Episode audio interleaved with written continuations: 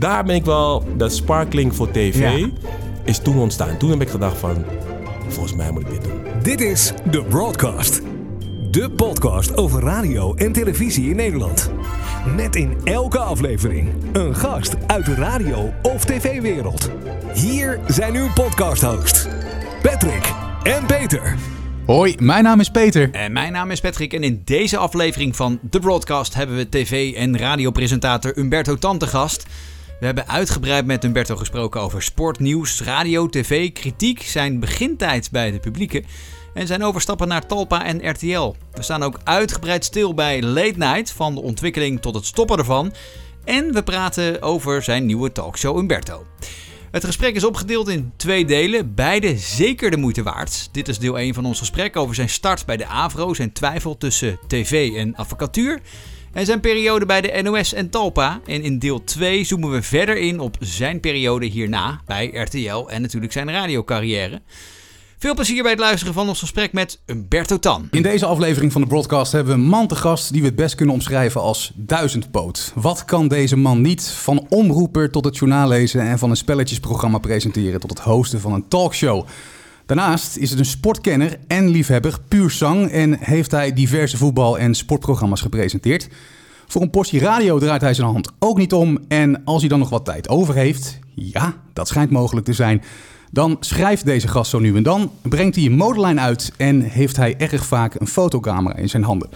Hij werd geboren op 26 oktober 1965 in Paramaribo, groeit op in de Amsterdamse Bijlmermeer, studeert in 1991 af in de rechten en snuffelt in die studieperiode aan de tv-wereld. Dat ruikt naar meer, moet hij gedacht hebben. En de rest is geschiedenis. Toen wij hem uitnodigden om onze gast te zijn in de broadcast, zei hij... Maar natuurlijk ga ik dat doen! Broadcastvrienden, onze gast deze aflevering, Umberto Tan. Is dat bij eh, Armin van Buren, of niet? Clarence Seedorf. Op een kleine Zeedorf. Oh, of ik eh, assistent coach wilde worden. Bij AZ. Ja, dat was wel, dat was wel gedenkwaardig al. Want dan kwam ik in de kleedkamer. Ik, ik heb het meteen tegen eh, Clarence Seedorf gezegd, één ding. Ehm, ik ga niks over voetbal zeggen tegen die mannen. Jij zegt iets over voetbal en dan kan ik iets zeggen over het goede doel. En, want ja, dan zit je met Hakan Sukur. Dan zit je met Thierry Henry. Dan zit je met Ronald en Frank de Boer. Dan zit je met Figo. Dan zit je met Keren Seedorf. In één kleedkamer. En dan zou ik iets moeten zeggen over voetbal? No, hell no. Dus ik heb ze alleen gezegd, jongens, welkom. Eh, ik ben Humberto. Clarence heeft me gevraagd of ik jullie wil helpen. Ik kan jullie iets vertellen over het goede doel. Dit is het goede doel. Hier spelen jullie voor vanavond. Maar op een gegeven moment in de wedstrijd, eh ja, Clarence speelt. Eh, dus ja, het moet worden doorgewisseld. Dus ongeveer, wat was het, 10 minuten voor tijd of zo. Ehm, toen moest Henri gewisseld worden, want die moest weg. Dus dan moest ik, ehm Thierry! Wisselgebaar. Dus Thierry, ja, ik kom eraan. ik, ik zeg volgens mij, ik droom. Ja, ik, ja, moet- natuurlijk. ik, dro- ik wissel Thierry Henry en hij zegt, het is goed. Oh, geweldig. En ik dacht, en Thierry Henry, want ik had hem al eens een keertje eerder gezien. Hij is zo lang. En hij is zo indrukwekkend. En hij, ik stond aan de, aan de kant waar hij, eh, hij stond linksbuiten stond hij. En toen ging hij echt heel soepeltjes, liep hij langs me. En ging hij voorbij zijn tegenstander. Maar je merkte gewoon dat gebeurde op 15 of 20 procent van zijn vermogen. Van wat hij ooit gehad heeft. Ja, En dan nog zag je klasse. En dacht ik alleen maar, wauw. Dan ben je echt toeschouwer in je eigen droom. Zometeen gaan we praten over je rijke loop, eh, ja, je loopbaan in de radio- en tv-wereld, hè, beide. Eh, natuurlijk ook over je meest recente talkshow. Afgelopen zondag eh, is die gestart. Eh, maar eerst de vraag waar we eigenlijk altijd mee beginnen. En ik heb een beetje een vermoeden wat jouw antwoord gaat zijn. Maar wat was je eigenlijk geworden als je niet in de media was beland? Wat is je antwoord? Ik denk iets in de rechte advocatuur.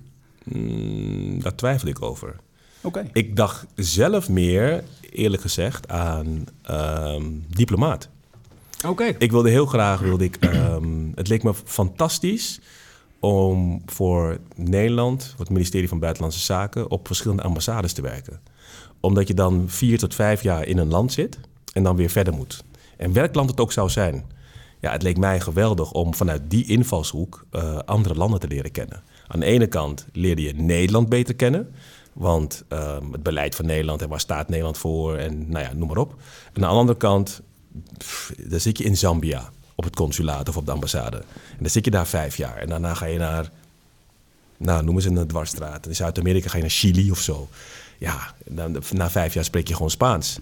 Eh, en dan weer een tijdje naar Rusland. Ja, het, het, dat leek mij echt een geweldig leven. Om al die verschillende invloeden te zien en de verhouding met Nederland daarin. En wat kan jij dan toevoegen? Nou, dat is dus, ja, dat soort dingen vind ik, me dus boeiend. Maar het werd uh, media. Ja, maar had je dat wel in je hoofd toen je die rechtenstudie deed? Toen, oh, nou, toen, nee, toen, uh, toen ik die rechtenstudie deed, keek ik meer vanuit eigen belang. Toen dacht ik meer uh, heel simpel um, op hoe kan ik deze samenleving beter begrijpen. Dat is wel een kern. Weet je, hoe kan ik het beter begrijpen? En wat zijn mijn rechten en plichten daarin? Uh, en toen keek ik heel erg vanuit huurrecht. Wat is mijn huurbescherming? Ja, ze gaan me niet zomaar eruit zetten. En ik keek heel erg vanuit um, uh, politie en justitie. Dus wat zijn op straat je rechten en je plichten? Want uh, in die tijd al, we praten nu over, nou, toen was ik 16, 17. Toen zat ik regelmatig met vriendjes, gingen wij op donderdagavond naar de stad in Amsterdam. En dan zaten we bij de Dam, vlakbij de McDonald's. En dan, ja, dat was een soort groepje jongens. Jongens uit de Bijlmer. Nou, en ik, ik ben in die periode ben ik echt regelmatig echt uh, fors achteraan gezeten door de politie. Met honden en met paarden. en waarom? Omdat we daar stonden. Punt. Meer niet. Meer niet. En op een gegeven moment toen rende ik voor de vierde keer weg. Uh, op zo'n, want op, op een gegeven moment werd er nog een spel. Van, nou, dan gaan we weer staan. Even kijken of ze weer komen. En het was het enige wat gebeurde. Wij stonden daar. Er gebeurde echt niks. Alleen de winkeliers vonden het niet leuk. Of ze vonden het overlast of weet ik veel wat dan ook. Ik heb geen idee waarom. Maar dan gingen we terug en dan werd het ineens een spel van... nou, ik ben benieuwd of de politie weer komt. Maar bij een van die keren wegrennen dacht ik... ja, maar waarom doen ze dit eigenlijk en mogen ze dit wel? We hebben geen strafbare feiten gepleegd. We hebben niemand lastiggevallen. Uh, we hebben niet uh, gestolen. We staan niet voor de ingang. Uh, er, er, is geen enkele aanleiding om deze groep jongeren op dit moment, waar ik onderdeel van me uitmaak, om die zo te achtervolgen. En toen dacht ik van, nou, dat zou ik wel zullen weten. Ben je erachter gekomen? Ja, mag niet. Onzin. Echt, openbare orde is gewoon niet verstoord. Daar, ja, verstoord door op dat moment de politie. Maar totaal geen verstoring van de openbare orde. Er zijn geen strafbare feiten gepleegd. Er was geen verdenking op een strafbaar feit zelfs. Het was alleen uh, het ongemak wat een aantal winkeliers hadden. En de uh, overheid faciliteerde dat ongemak door die jongeren weg te uh, halen daar. Uh, wanneer wist je, ik wil eigenlijk wel wat op tv gaan doen? Dat wist ik niet echt. Dat wisten anderen voor mij eerder dan ik het zelf wist. Uh, want ik was in mijn laatste. Kijk, ik heb in mijn studententijd. Toen ik rechten studeerde, um, heb ik nog best wel lang thuis gewoond. Bij mijn, uh, bij mijn moeder in de Bijlmer. Omdat een studentenhuis, dat leek me niks. Ik wilde mijn koelkast niet delen. dat leek me echt helemaal niks. En ik wist ook dat mijn broer, die woonde in Amsterdam in de Lange Leidse Dwarsstraat, vlakbij het Leidseplein. Dat hij er um, binnen niet al te lange tijd eruit zou gaan. Hij woonde daar samen met zijn vriend.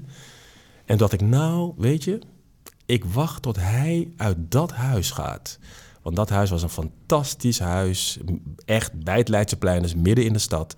Ik betaalde daar, of hij betaalde daar toen in guldens nog, 180 gulden per maand. Eigen opgang, studio. Nou, het kon niet beter. En ik had een uitwonende beurs uh, toen uh, ik daar naartoe ging. Want uiteindelijk ging je daar weg. Dus 600 gulden per maand. En dan mocht je wat bijverdienen ook. En toen dacht ik van, oké, ik kan in een café gaan werken. Of uh, welke andere baan dan ook. Maar ik had toen al wat hele kleine modellen um, opdrachten gehad als model. Toen ben ik naar een modellenbureau gegaan. Corines Agency in Amsterdam. En die hebben me aangenomen.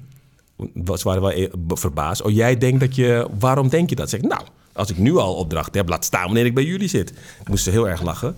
En de volgende dag hebben ze me gebeld. En van, van daaruit kwam ik, en dan kom ik bij, bij je vraag... Van daaruit ben ik ook terechtgekomen ooit bij uh, John de Mol.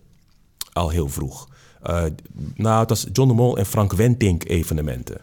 Die werkten toen nog heel veel samen. En uh, een van de evenementen die zij hadden... Uh, was de Magriet uh, en CNA modeshow. En dat heb ik toen twee jaar gedaan. Uh, vier weken door het land. En van dat geld kon ik mijn collegegeld uit betalen. En ik deed ook nog andere modellenopdrachten. En later, toen bleek dat Hans van Wilgenburg, die daar de presentator was die had mij toen aanbevolen bij de KRO. Die zei, daar loopt hier iemand rond, daar moeten jullie naar kijken. Heeft de KRO nooit gedaan. Maar wat wel gebeurde is uh, dat in diezelfde periode ik ook via John de Mol en dat evenement bij Doet hij of Doet hij niet terecht kwam als figurant. Heb ik heel veel figurantenwerk gedaan. En ik had een verleden, eh, dat is iets langer geleden, bij Sonja Barend aan de tafel van zeven. Dat was een tafel waarin mensen, gewone mensen, hun mening gaven over het nieuws. Nou, en die twee dingen kwamen bij elkaar toen John de Mol mij belde, omdat hij van de AVRO een opdracht had gekregen. Weet jij misschien een jongere voor ons jongerenprogramma Pauze TV? Pauze TV was toen bij de AVRO een populair jongerenprogramma met zes presentatoren. Uh, Sophie Hilbrand was daar een van, Carlo Boshart was daar een van. En AVRO wilde, dat, wilde geen zes presentatoren meer, maar wilde er maar drie, maar twee, sorry, maar twee overhouden. Jessica Broekhuis zou de enige zijn van die groep die zou overblijven. En dan wilde ze iemand naast zetten. En uh, John de Mol belde mij toen daarvoor. Hij zei, goh, ik, ik hoor dat er een plek is bij de AVRO. Is dat iets voor jou? Maar daarvoor was ik ook al gebeld door de directeur van de AVRO, mediazaken, Kees van Twist. Die had me ook al gebeld voor diezelfde functie. En ik had toen geen enkele ambitie voor tv of radio. Nooit over nagedacht. En toen dacht ik, huh? In korte tijd twee keer gebeld. En ik dacht, nou, misschien moet ik het dan maar doen. Gewoon praten. Is niet helemaal waar trouwens. Ik heb wel uh, een jaar daarvoor, of anderhalf jaar daarvoor, ik weet niet waarom ik dat heb gedaan, dat weet ik echt niet meer. Heb ik ooit een bandje gemaakt, gewoon zo'n ouderwets TDK-bandje Ja. van een half uur, met muziek die ik had uh, uitgezocht. En had ik opgestuurd naar de VARA. Van goh, ehm, is dit iets... Uh, kijk, dit is mijn Een muzieksmaak. soort, soort demo. eh. ja, ja, dit is ja, mijn ja. muzieksmaak. Ik ik ja, weet ja. zeker dat jullie dit geweldig vinden. Nooit wat gehoord. nee, niet eens antwoord van we hebben je bandje ontvangen. Echt niks. Dus ik had dat gestuurd. eh, maar goed, eh, ook, ook niet, eh, nou, niet echt doorgedrukt. En dus een jaar later kwam dit hele Afro-verhaal. Ja. En toen zei John de Mol, toen ik zei... ja, maar ik ben al gebeld door Kees van Twist... voor volgens mij hetzelfde. Hij zei, hè? Dat ga ik uitzoeken. Nou ja, uiteindelijk ben ik een, heb ik een screentest gedaan bij de AVRO. En toen pas ben ik gaan nadenken erover. Want ook zelfs toen ik naar de screentest ging... had ik ook niet het idee, ik ga televisie of radio doen. Ik dacht van, ja... Nee man, ik ga echt eh, diplomaat worden. Maar ik had, ook, eh, een, ik had ook net een brief geschreven naar de Buitenlandse Zaken... om eh, mee te doen met het klasje van Buitenlandse Zaken... om aangenomen te worden. En ik had een uitnodiging daarvoor. Dus ik had, mijn sollicitatie was kennelijk een goede aardig gevallen. Want ik mocht langskomen voor een gesprek bij Buitenlandse Zaken. Maar toen ben ik naar die screentest gegaan. Eigenlijk een beetje van, ach, gewoon makkelijk, dat doe ik wel even. En ja, hoe moeilijk kan het nou zijn? Dat was echt voor omroeper ook nog. Of, want dat was de tweede vraag, of ik ook omroeper wilde worden. Nee. maar, Uiteindelijk. maar, maar, weet je, ik ga, ik ga gewoon langs, ga praten. ja. Combinatie, pauze, tv, omroeper, ach, dat kan best. Maar dat was, dat was ik echt heel slecht. Ik da- daar was voorbereiding was gewoon echt nul. Gewoon uit eh, totale onderschatting. Eh, en toen heeft Marielle Klaassen, die helaas dit jaar is overleden, die heeft mij eh, geholpen. En die heeft gezegd tegen me van, nou, eh, volgens mij, ehm, misschien moet jij je papiertje even wegleggen. En misschien moet je gewoon even vertellen wat je kijkt van de AVRO. En toen vertelde ik over Law en eh AVRO Sportpanorama. En nou, toen vertelde ik over Law. Nou, wat is er gebeurd gisteren? Nou, dit en dat en dat. En ik vertelde dat. En als je AVRO Sportpanorama zou presenteren, bedoel, wat zou je dan het liefst willen zien? Nou, weet je dat soort vragen. Daar gaf ik gewoon antwoord op. En toen dacht ik, nou ja, ik was thuis. dacht, nou ja, dat, eh, dat hoor, daar hoor ik nooit meer wat van. Maar een week later kreeg ik een brief of ik eh, wilde komen voor de tweede ronde. En toen is de eerste keer geweest dat ik dacht van, nou, één ding. Ik weet nog niet zeker of ik dit wil. Maar zorg ervoor dat de keuze, als die niet op jou valt, dat het niet is omdat je slecht bent voorbereid. Zorg ervoor dat je gewoon, jij moet gewoon goed zijn en dan is aan hen de keuze. Hier heb jij invloed op. Op de keuze heb je geen invloed. Dat is aan de leiding van de AVRO. Maar je hebt wel invloed op hoe jij erin zit. Ja, en toen heb ik me echt heel goed voorbereid. En ja, de rest is history. Toen konden ze niet om je heen. Toen konden ze niet om mij heen. Dus, dat is wel een soort, soort levensles uiteindelijk eh, geweest Ja. die voorbereiding. Hè? Dat, ja, ja, ja, ja, ja, ja, ja, ja. Nee, dat was echt cruciaal Ja. voor mij. Want Ja. ik, toen zag ik ineens van... Oeh, je- één, onderschat nooit wat. Onderschatting moet je vriend worden. Als mensen je onderschatten, kan het alleen maar meevallen. Maar dan moet je wel ervoor zorgen dat er een reden is dat het meevalt. En dat heb je in de hand. Ja. Dus dat heb ik ehm, proberen te doen. En dat was echt een dure les. Dat is echt puur op een individu, Marielle Klaassen, die, die heeft gezegd van... Ik, geloof, ik, ik zie wel wat in jou.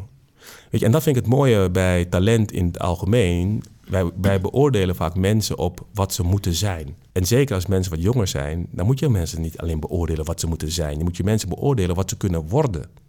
Want niemand is altijd goed of altijd perfect. Dat gaat niet.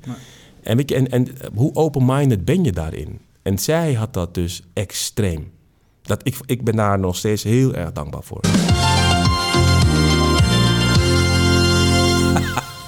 Goedenavond, dit is de Avro op Nederland 1. Vanavond weer Glemmeland en dit keer een heel speciale, want G.J. Dreugen was op Curaçao.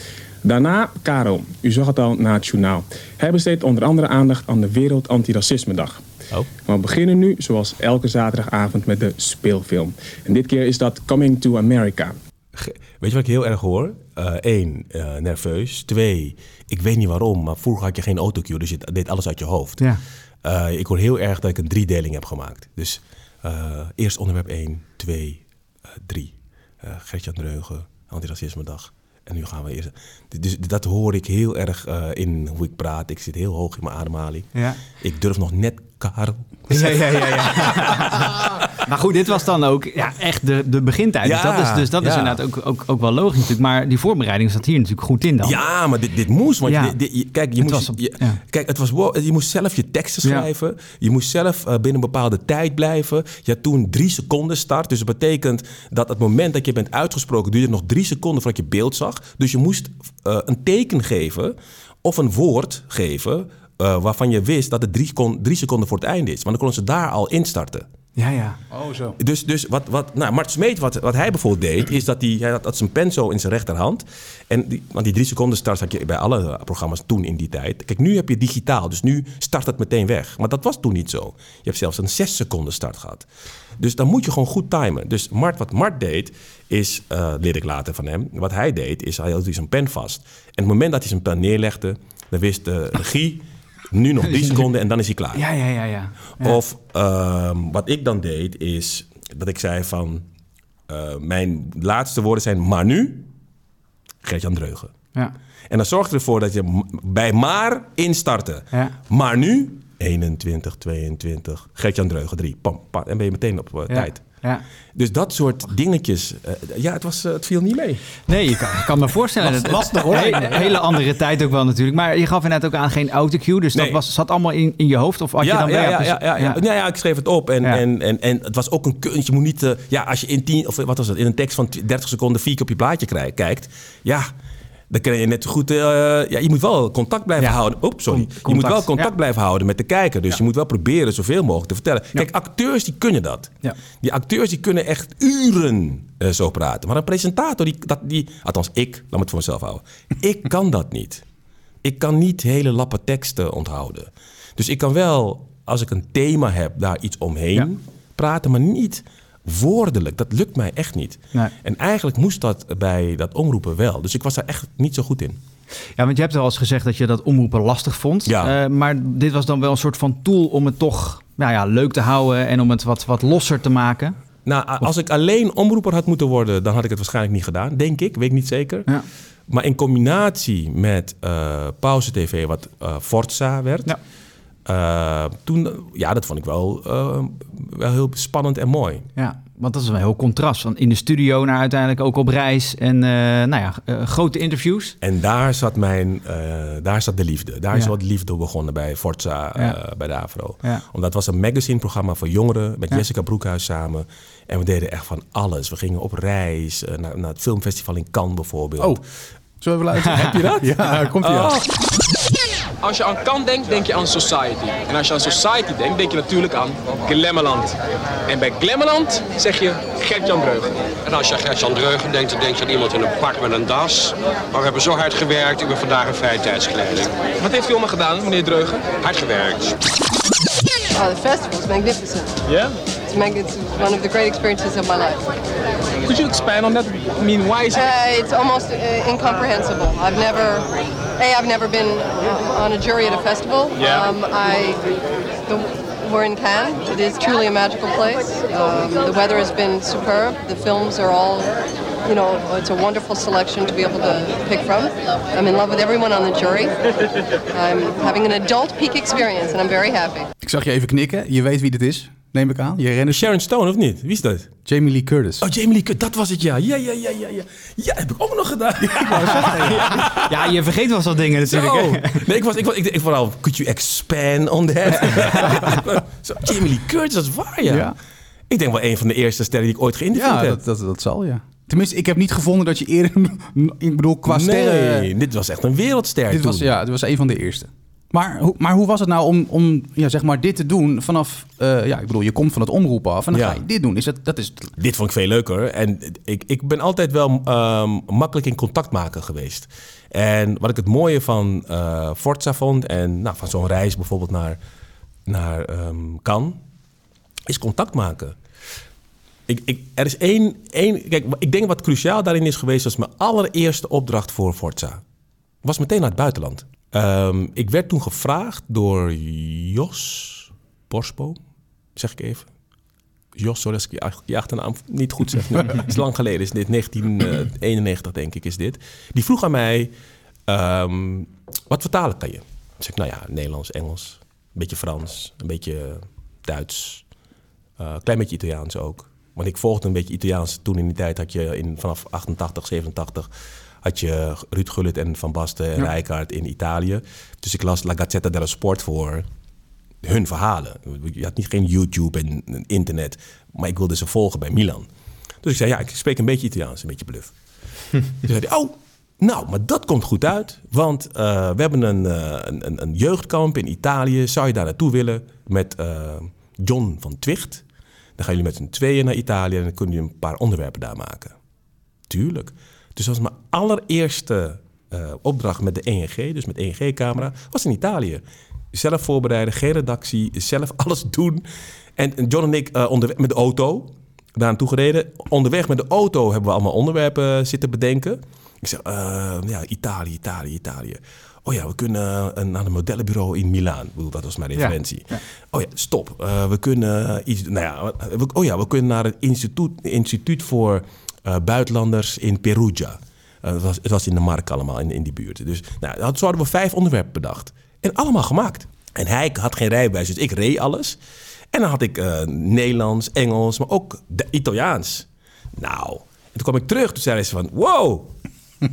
Dat, dat kamp waar ik naartoe ging trouwens, dat was helemaal niet wat zij dacht dat het was. Dus dat was echt waardeloos. maar ik kwam met andere dingen terug. Ik dacht, hey, het gaat me niet gebeuren. We gaan sowieso komen met iets terug. Nou, en dat is eigenlijk het begin geweest. En ik moet zeggen dat die reis was wel echt... Toen ben ik wel echt verliefd geworden op televisie. Ik dacht van, jeetje, wat kan... Ik vroeg aan John, vroeg ik alles. Kan, eh, kunnen we dit doen? Of kunnen we... Ik had een idee bijvoorbeeld. Wat wij, we zaten op een trap een keertje bij Perugia... om één voorbeeld te geven wat wij allemaal deden. Ik bedoel, zo licht waren die onderwerpen. En er zaten twee meisjes op die trap. En toen zag ik dat binnen eh tien minuten, kwartier... zaten er wel dertig jongens omheen. Ik, dacht, wij zaten, ik zeg, heb je dat gezien? Hij zei, nee. Die meisjes zaten eerst alleen... en binnen een kwartier zitten gewoon dertig jongens eromheen. Dat is leuk om te draaien, zei ik. Laten we het nog een keer doen. Dus ik, maar ik ging naar die meisjes toe, waren Duitse meisjes. Ik zeg van, ik legde uit in de Nederlandse televisie en ik, ik heb dit gezien. Ja, ja, ja, dat is altijd zo. Ik zei, oké, kunnen we niet dit doen? We gaan, nu loop je met mij mee. Laten we het even een half uur leeg, die trap. Daarna moeten jullie nog een keer die trap op, op gaan zitten. En dan draaien wij. En dan kijken we hoe lang het duurt voordat weer zoveel jongens bij jullie komen zitten. en dan geven we er eh, eh, voetbalcommentaar onder. Ja, Hij komt, ja, dan komt hij dichterbij. Oh, hij probeert een poging. En nee. En, en- en dat was, dat was, dus die meisjes, ja, dat is leuk, dat, dat mag spaas, dat mag spaas. Dus wij gingen op afstand gingen wij staan. Die twee meisjes liepen die trap op. Het was helemaal leeg. En inderdaad, al die jongens. Ja, weer. Het is een mooi item geworden. Ja, dat is mooi. uit. Het was maar twee minuten of zo, Ja, ja, maar het ja, was gewoon wel leuk. leuk. Dat is gewoon leuk. Dus daar ben ik wel, dat sparkling voor tv Ja. is toen ontstaan. Toen heb ik gedacht van, volgens mij moet ik dit doen. Het lijkt me een hele mooie vorm van televisie maken. Want je kan helemaal alles bedenken en doen zoals je het zelf wil. Totaal vrij. ja. Maar ik heb er nog steeds profijt van. Want ik heb twee jaar ENG gedaan, Ja. zoals het heet. Dus met een cameraploeg Ja. op pad. En dat doe ik nu al lang niet meer. Ja, nu voor het eerst dit jaar weer. Of vorig jaar weer met Humberto Onderneemt. Dat, dat, in die tussentijd heb ik alleen maar studioprogramma's eh, live gedaan. En niet opname. Maar ik ging ook zelf monteren. En ik kon helemaal niet monteren. Dus ik leerde het van die editors. Dus zei ik van, kan dit in televisie? Kan dit? Dan leerde ik ondersteken, dan leerde ik dit, en dan leerde ik... Oh, oh, zo doe je dat. Dus dat vond ik heel leuk. Ik heb dat twee jaar gedaan. En daar heb ik nu nog profijt van. Ik eh, eh, ook in de periode late night, als we dan filmpjes keken, zeg ik, nou, dat kan je wel lekker demonteren, want dit en dit en dat kan je doen. Ik heb dat gewoon twee jaar gedaan. Ja. Ja, dat lijkt mij heel bruikbaar inderdaad voor, ook voor dat soort programma's. Ja. Enorm, Ja. enorm. Maar het gaf je ook vooral mogelijkheden omdat je gewoon echt leuke dingen kon doen. Echt, mooie reisjes, mooie verhalen halen. Ja, ja ik heb daar echt van genoten. Ja. En een goede leerschool dus. Zeker. Ja. Twee seizoenen, toen stopte het. Ja, Toen kreeg je een aanbod van de AVRO om een filmprogramma te doen. ja. Heb je niet eh, Nee, gedaan. dat- Waarom ik niet? Nou, ik zei ja, sorry, maar ik ben geen filmspecialist. En ik denk, en eh, René Mioch had je toen al. En je had eh, Simon van Kolm, had je toen in die periode. En ik zei ja, dan komen Jessica Broekhuis en Humberto Tan met een filmprogramma. Ik bedoel, wie zijn we nou eigenlijk? Dus ik zei, ik, ik, ik geloof er alleen in als we toegevoegde waarde kunnen zijn in het landschap. Dus ehm, ook een beetje eigen belang. Hè? Dus, dus ik geloof er alleen in als we ook echt naar Hollywood kunnen. Kunnen we naar Hollywood? Nee, daar is geen budget voor. Nou, dat doe ik het niet. Duidelijk. Wel weer stoer ook, toch? Om, om Ja, op dat moment te zeggen... Ja, het. dus ik werd, in die periode kreeg ik het aanbod inderdaad van de AVRO voor een filmprogramma. En ik werd gebeld toen door eh, Han van der Meer van de Ver van mijn Bed Show. Maar dat was heel raar, want de toenmalige directeur van de AVRO, een nieuwe directeur kwam er op eh, die afdeling, Kees van Twist was weg. Dat is ook een van de redenen waar ik ben vertrokken bij de AVRO. Die kwam naar mij toe en die zei van, ja, Humberto, ehm, ik kreeg een telefoontje van een collega eh, en hij vroeg aan mij of, hij, eh, of het goed was dat hij je mocht bellen. Ik zeg, oh, eh, wat voor collega dan? Ja, het is Han van der Meer en die wil je graag bellen voor een programma. Ik zeg, maar sorry, maar hij is toch niet van AVRO? Hij zei, nee, nee, nee. Je kan ook gewoon zeggen dat je van hem af wil, hè? Hij zei, nou, hoe kom je daarbij? Ik zeg, het is toch heel raar. Als een directeur van een A, van, een, van, van, van mijn omroep, me zegt dat een collega van een andere omroep me wil hebben voor een programma. Dan wil je gewoon van me af. Nee, hoe kom je erbij? En bla bla bla. Nou ja, achteraf bleek echt wel. Eh, alleen, ik, ik, was, ik ben wel altijd assertief geweest. Eh, en toen belde die Han van der Meer mij inderdaad. En toen zei hij, ja, ik zou je graag willen vragen om met mij samen dit programma te presenteren. En toen zei ik, nou, dat doe ik niet. Want eh, ik heb al een keer dubbelpresentatie gedaan met Jessica. En dat, heeft me, is- dat was prima. Maar ik ga niet mijn hele leven lang dubbelpresentatie doen. Dus als ik, als ik al iets anders zou willen presenteren op eh, tv, is het alleen. En niet met Han van der Meer, hoe groot hij ook toen was. Ik geloof daar niet in. Dus ik zei, nee, ik, ik doe het niet. En toen heb ik gesolliciteerd bij Rasker en Wibbens Advocaten. Toen dacht ik van, nou, weet je, misschien is televisie... Het is, het is een leuk avontuur geweest. Prima, twee jaar Forza, geweldig. Ik heb me echt super vermaakt. Maar we gaan gewoon lekker door. Want ik ga niet... eh, want ze wilden me nog een contract geven toen. 50.000 gulden per jaar. Van ja, als je voor twee jaar tekent, dan kunnen we in die periode kunnen we uitzoeken wat we gaan doen. Zeg ik, nou nee hoor, ik ben 26. Ik ga niet eh, twee jaar eh, een WW-uitkering van 50.000 euro vangen, hoe hoog het ook is. Maar dan, dan, je moet wel wat doen. En als je niet weet wat, je, wat, wat het plan is, ja, dan ga ik gewoon iets anders eh, verzinnen. En toen heb ik gesolliciteerd bij een advocaatkantoor. En het, in het gesprek dacht ik van, ja, wat moet ik zeggen tegen, tegen Stanley Wibbens? En die zei van, ja, waarom wil je dit? Toen zei ik, ja, weet je, ik heb nu een baan, maar ik ben, ik ben op zoek naar een loopbaan. Zo, die, die, die, we even opschrijven. Ik ben op zoek naar een loopbaan. En ik geloof dat mijn loopbaan meer ligt in de juridische wereld Ja. dan in de televisiewereld. Toen zei hij, oké, dan geef ik je de kans, je mag bij mij komen werken. En heb ik, uiteindelijk heb ik er eh, zeven, acht maanden gewerkt. Maar volgens mij werd ik binnen een maand nadat ik daar ben begonnen... al benaderd door Studio Sport. De Broadcast Podcast. Ja, toen meldde ik Kees Jansma. En toen zei ik in eerste instantie, ja, maar ik werk bij een advocaatkantoor. Hij zei, ja, maar we hebben hier ook een, een dokter die in het weekend werkt. Ja. ja. Oh, eh, dus je kan ook in het weekend alleen werken hier, als je dat zou willen. Maar dan moeten we eerst wel een screentest doen. We moeten een eh, sollicitatie, maar wat sta je ervoor open? Ik zeg, nou, Studio Sport, sta ik ervoor open? Pff, Is het koud op de Noordpool? Daar hoef je niet over na te denken. Nee, nee, nee, nee, tuurlijk, nee, tuurlijk. nee, nee, nee. En dat was echt, eh, dat, ja, dat zijn twaalf fantastische jaren geworden. Ik heb daar echt met eh, heel veel plezier gewerkt. Ja. Zullen we heel even teruggaan naar die screentest? Heb je die? Nee. Nee, ik, heb- ik heb niet de originele screentest, maar wel wat anders. En zeg, wat doe je? Hij zegt, jullie beginnen toch altijd met de lieder? Moet ik met de lieder beginnen?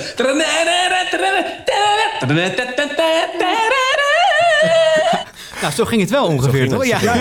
Toen ging het echt. Zo ben je gaan zitten en je bent zo begonnen. Ja, we gaan zo. eerst de leader doen. Ja. En wat was de reactie? We zaten, in een, rea- we zaten in een kamer zoals wij nu hier zitten, ook met z'n drieën. Met Heinze Bakker, cameraman en ik. Met zo'n handicamcamera. Eh ik moest het sportjournaal doen. En ehm, ja, op een of andere manier, ik weet niet waarom ik het deed. Toen dacht ik van, nou ja, voordat ik begin, begin ik met de leader. Dus Heinze Bakker en die cameraman, die schoten heel erg in de lach. Die zeiden, wat, wat doe jij? Toen zei ik, nou ja, ik denk, moet toch, je moet, ja, jullie beginnen altijd met een leader. Dus ik begin ook met een leader. En dat, maar, maar het mooie, kijk, wat ik deed is, dus ik deed wel dat, eh, dat, dat wilde. En daarna toen ik ging eh, presenteren, deed ik het heel rustig. Dus goedenavond, dames en heren. Welkom bij de eerste uitzending van Studio Sport. Mijn naam is Humberto Tan. Uh, Ajax heeft gisteren met 4-1 verloren. Ja, weet je, dus op die manier, waardoor zij dachten van... Hmm, deze is een aparte. Dat zei Heinz Bakker later tegen mij. Hij zei wel van, hij zei, wat jij daar deed, dat, kijk, los nog van of het goed of niet goed was, dat was niet eens meer relevant. Veel relevanter was dat jij dus vrij in je hoofd bent. Jij bent dus in staat om onder, de grote, om, onder hele grote stress om iets te doen waar jij je goed bij voelt. En bij een live programma als uh, Studio Sport, nou is dat essentieel. Als jij je eigenheid kan en durft te behouden. Want je weet niet hoe wij erin. Misschien vonden wij het wel vreselijk. Het, is zo, het gaat om een baan. Dat is een risico natuurlijk. Ja, het is een risico. Maar jij, jij, uh, jij trok je daar helemaal niks van. Je deed het gewoon. En toen moest ik nog wel in een gesprek met uh, Kees Jansma. En die zei, nou, weet je, voetbal geloof ik wel. Maar uh, hoe, zit, hoe zit je met andere sporten? Zeg ik, nou ja, vraag het, dan kom je erachter. Zei ja, volg je bijvoorbeeld motorracen? Ja, ja. Weet je wie de wereldkampioen is? Ja, volgens mij Wayne Rainey. Um, oh, oké, okay. dus dat volg je ook wel. Ik zeg, nou, ik volg het niet goed, maar ik vind het wel leuk om te zien. Uh, ik vind voetbal wel het allerleukste, maar Olympische Spelen, WK's, EK's, ja, ik, vind het fantastisch. En nog een aantal van dat soort vragen. En, en toen zei ik ook tegen hem, en trouwens, dat moet je voorstellen, dat was toen speelde dat dus al. Dus zei ik, en het wordt ook wel tijd dat jullie uh, uh, iemand nemen zoals ik. Zei wat bedoel je? Zei ik, luister, jullie zijn al jarenlang, hebben jullie, verslaan jullie wedstrijden. En heb je heel veel donkere spelers. Echt enorm veel. Maar ik zie ze nooit op beeld. Althans, mensen die ze bevragen. Nou, ik zou zeggen, dat was diversiteit before, uh, voor mm zijn tijd. Dat was totaal nooit een overweging geweest bij Studiosport. Maar ik zei van, nou, het is wel, het is wel relevant. Ik vind het wel relevant, want uh, ja, heb je contact met die jongens? Heb je die invalshoek in huis? Ik bedoel, kan het een verrijking zijn voor ja. je programma? Ja. Zei hij, gewoon, heb je nog een punt ook, ja. Zeg ik, nou ja, ja, ja. Dus als je hem toch al wil aannemen. Nou, wel weer mooi dat je dat zo zelf aanstipt, toch dan? Ja, nou ja, weet je, ik, ik, op een of andere manier, uh, ik ben me wel altijd van bewust geweest. Uh, omdat, kijk, het moet niet de reden zijn om mensen aan te nemen, nee. maar je moet het als toegevoegde waarde ervaren. Ja. En, en uh, ik geloof wel dat daar um, een toegevoegde waarde zou kunnen zitten, ja. dacht ik. Hoe vind je dat nu? Hoe dat nu geregeld is? Niet alleen bij Studio Sport, maar over het algemeen? Nou, die, dezelfde argumenten zijn nog steeds relevant. Toegevoegde waarde. Waar vind je het verbeterd? Nou, het is wel verbeterd. Um, maar ja, het is zeker verbeterd. Um, zeker vergeleken met um, de tijd dat ik begon. Maar het, het, kan nog steeds uh, meer en beter, ja. Dat denk ik wel. ik zag vanmorgen nog, zag ik nog een, een, een stukje van Mehdi Hassan. En dat wel een heel goed punt. Mehdi Hassan is een Amerikaanse journalist, die werkt bij NBC. En die maakt een analyse over uh, Trump en waarom eigenlijk media hem al jarenlang zoveel platform geven. En hem niet noemen wat hij gewoon um, ronduit is. Um, namelijk, hij heeft heel erg uh, racistische, fascistische tendensen in wat hij zegt. En hij zegt, ja, een deel daarvan komt gewoon omdat een aantal mensen gewoon niet voelen wat hij zegt. Dus als, als hij zegt, ja, alle Mexicanen zijn racisten, alle, Mexi alle, alle Mexicanen zijn verkrachters, is een racistisch statement. Ja. En wat je dan ziet vaak uh, bij collega's, is dat een beetje, ja, nee, maar Nee, maar zo bedoelt hij het niet. Nee, maar hij zegt het toch zo, of niet? En ik bedoel, dat gesprek had ik net helemaal ook. Kijk, het moment dat uh, binnen een partij uh, letterlijke nazi-appjes zijn... en ja, het wordt een beetje vergoeilijkt... En eigenlijk komt het niet ter sprake. Ik heb het uh, bij Radio 1 had ik het laatst ook. Toen hadden we een, een schakeling. was die hele periode toen uh, Thierry Baudet wel of niet zou aftreden. En toen ging het nu weer over het feit of ze wel of niet waren ingeschreven in de Kamer van Koophandel. Dus Um, en bij Radio 1 heb je twee keer per uur heb je streaming. En dat mm -hmm. wordt dan verzorgd door de NOS. Dat, heb, ja. Dus daar, dat, dat staat buiten mij. Dat komt gewoon onvoorbereid krijg ik dat. En dan moet ik het uh, meteen lezen. Dus ik lees dat voor. Ik zeg, nou ja, uh, Forum voor Democratie is uitgeschreven van de Kamer van Koophandel. Bla, bla, bla, bla. Verslaggever ter plekke, die vertelde daarover. En die was gewoon aan het praten. En toen zei ik, ja, maar sorry, maar waarom praten we hierover eigenlijk? Hij zei, hoe, dus omdat het nieuws is, Humberto, zei hij nog. Mm. Ik zeg, omdat het nieuws is. Ik zeg, nee, dat kiezen wij, dat dit nieuws is. Weet je wat nieuws is? Dat er in die partij dus kennelijk nazi-appjes zijn waar we het nooit meer over hebben. Dat er gewoon antisemitische geluiden zijn waar we het nooit meer over hebben. En dan gaan wij hier nu op Radio 1 op praten over wie wel of niet is ingeschreven in de Kamer van Koophandel. Wij lopen mee in wat hij wil. Maar dit is de kern van het probleem. Maar daar praten we niet meer over. Waarom niet? Eh, eh, eh. ja. Ook wel weer eh, stoer om dat op dat moment aan te stippen, toch? Ja, maar ja, ja ik bedoel, ik weet het, dat... is, het is gewoon je gevoel, denk ik. Hè? Ja, het is mijn gevoel. En, en kijk, ik weet dat als ik het zeg, dan krijg ik ook altijd heel veel gezeik. Ja. Want eh, de aanhang wil nooit wat horen wat, Ja, ja, eh, ja. wat niet welgevallig is. Maar het zijn gewoon feiten. Ja. ja. Het zijn gewoon feiten. Ik bedoel, het feit dat ik nog steeds ben aangehaald... want ik, ik bedoel, via via heb ik, krijg ik nog steeds berichten uit eh, eh, sommige van die groepen. Mhm. Nou, je wil niet weten. Je wil niet weten. Alleen, dan, dan zeg je, ja, maar wij mogen ook gehoord worden. Zeg, nee, maar sorry, maar dit is toch wel iets wat toch wel ehm, heel lang geleden is... waarvan we weten dat het niet oké is, Ja. volgens mij. Ja. Weet je, of, of ook twijfels over, over als, je, als ik een t-shirt zie. Ja, ik word daar gewoon, ik, ik, ja, misschien, het is een gevoelig punt voor mij, maar ik, ik zie een t-shirt dan met eh, kamp Auschwitz. Ik zie een t-shirt met, moet ik even goed nadenken, 6 WNE bij eh, die kapitool, kapitoolbestorming. Eh, Six million were not enough. Staat op dat t-shirt. En dan zie je collega's nog steeds vragen: Ja, ehm, vind je het. eh, lijkt het een beetje op autoritaire of totalitaire gedrag? Gast, kijk naar wat je ziet. Wij zijn nog steeds in een fase dat we naar buiten kijken, het regent. En er komt iemand die zegt: Nee, het regent niet. Oh, en waarom denkt u dat het niet regent? Je kan gewoon zeggen: Ja, sorry hoor, maar ik kijk naar buiten, het regent gewoon. ja, een feit. Ja. Het is gewoon een freaking feit. Ja. Het is gewoon een feit. Ja, ik. ik ja, maar wat zou dan de reden zijn dat het niet wordt aangepakt? Omdat mensen het niet voelen. En omdat mensen bang zijn dat, dat eh, de aanhang eh, ze gewoon helemaal afmaken. Als je kijkt wat Erik Mouthaan over zich heen krijgt. Als je gewoon iets, eh, iets gewoon een feit laat zien. Erik, Erikje, ook altijd zo dat denigrerende. Erikje, jij denkt dat jij de waarheid spreekt. Je komt er nog wel achter, zo dat dreigende. Dat- Die sfeer is echt gewoon echt verziekt. Ik vind het echt niet goed. Ja, sorry, het is heel totaal Nee, off maar- topic. Nee, nee, nee, maar Goed dat je het is wel aangeeft. goed. ja, eh, tuurlijk. Of topic. Maar weet je, maar dat soort dingen, ja, dat speelde toen ook al. Ja. Want in die periode had je natuurlijk, eh, daarom kom ik erop, eh, centrumpartijen, et cetera. En ehm, ehm, de dingen die toen gezegd wa- werden, die waren half zo erg niet als nu hoor. Laten we even teruggaan naar eh, Studio Sport. Je hebt het dus in de weekenden gedaan. Door de Ja. week zat je gewoon de baan. Ja, advocatuur. Hoe was die combinatie? Niet te doen. Nee, ik wou zeggen. Nou, het ging wel. Het ging wel. Alleen, ik wist wel, dit ga je niet eh, altijd volhouden. Weet je, zeven dagen per week werken. Wat ik daarna trouwens nog steeds heb gedaan. Maar goed, maar niet eh, zo verschillend. Dat, dat, dat ging gewoon niet. Ik was soms zo moe, merkte ik, eh, op het advocaatkantoor. Dat ik in de pauze... Ik werkte op de Herengracht. En in de pauze ging ik dan naar huis.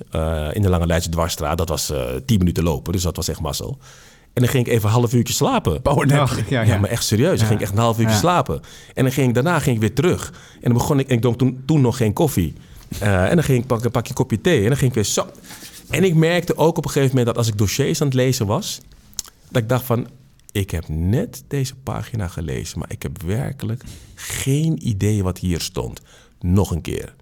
En omdat je je uren declareerde bij cliënten, en als je te lang duurt, doet over bepaalde dossiers, ja, je, gaat, je kan niet al die uren declareren. Dat gaat niet. Je kan niet voor jouw onvermogen een rekening in eh, of een, een factuur maken. Dus ja, dat, ik dacht, nee, dit is niet goed, man. Dus dan moest je thuis, ging eh, alsnog dingen lezen en doen. Dus ja, dat waren dagen van, nou, ehm, ja, half negen op kantoor. En dan eh, om een uur of eh, half acht eh, naar huis. En dan eten. En dan om een uur of negen tot de elf nog weer wat dossiertjes lezen. Om volgens weer half negen naar kantoor te gaan. En dan Ja. in het weekend was het zaterdag en zondag Studio Sport. En als het ehm, eh, zaterdag sportjournaal was, nou was oké, want dan begon je pas om één uur. Maar op zondag ehm, ja, was ik ook wel eens om negen uur in Hilversum. Tot? Ja, tot zes uur. Eh, en dan eh, snel naar huis. eh, met de trein, want ik had- geen auto. Met de trein. En dan tien voor zeven thuis. En dan lekker Studio Sport kijken. En ja, dan als een blok in slaap vallen, want dan was ik Ja, kapot. en dan was het gewoon weer maandag en dan, Dan was begon het- snap je? Ja, ja, Oh. joh. Dus ik heb, ik heb op een gegeven moment eh, heb ik, onbetaald verlof genomen bij Studio Sport. En dat was ook nog een uitdaging. Maar dat toen, Rob van Velsen zei toen tegen me... ja, dat, dat gaat helemaal niet. Dus zei ik, jawel, want ik heb, ik heb, ik heb geen contract. Ik, kreeg, ik werd gewoon per uitzending uitgenodigd. Ja. Rechten en plichten. Ja, plichten. ja. Nou, eh, mijn recht is dus dat ik gewoon ook kan zeggen... nee, dankjewel, ik, ik, ik doe- maak even geen gebruik van die uitnodiging. Ja. Mijn plicht is, als ik hem accepteer, moet ik komen. Maar ik hoef hem niet te accepteren. Ik heb geen contract. Dus zeiden ja, nee, maar dan neem je wel een risico dat iemand anders komt. Zeg, nou, dat risico gaan jullie niet nemen, want dan moet je weer iemand helemaal opleiden. Dat kost veel te veel tijd. Ja.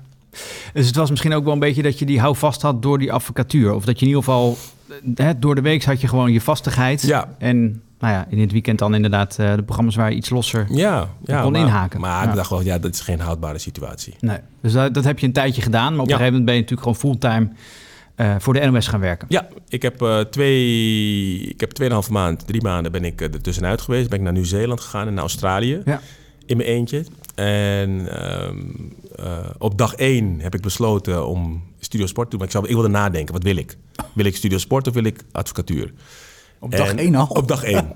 ja, de eerste dag, ik was in Nieuw-Zeeland. Ik was in Kaikoura in Nieuw-Zeeland. En daar kan je met dolfijnen zwemmen, wilde dolfijnen.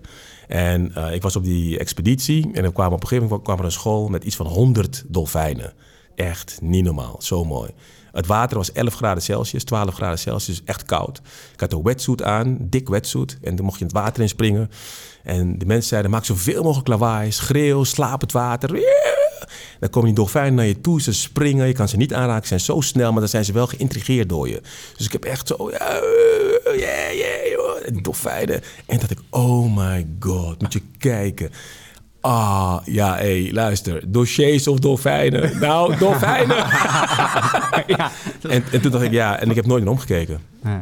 Ik vond het, ik vond het geweldig. En ik heb wat radioreportages toen ook gemaakt op, eh, op reis. Dus dat was een soort ommekeer dat je denkt, ja, we gaan... eh, dat was ja. definitief omgekeerd. heb ik 100% gekozen voor, eh, voor media. NOS Sportjournaal.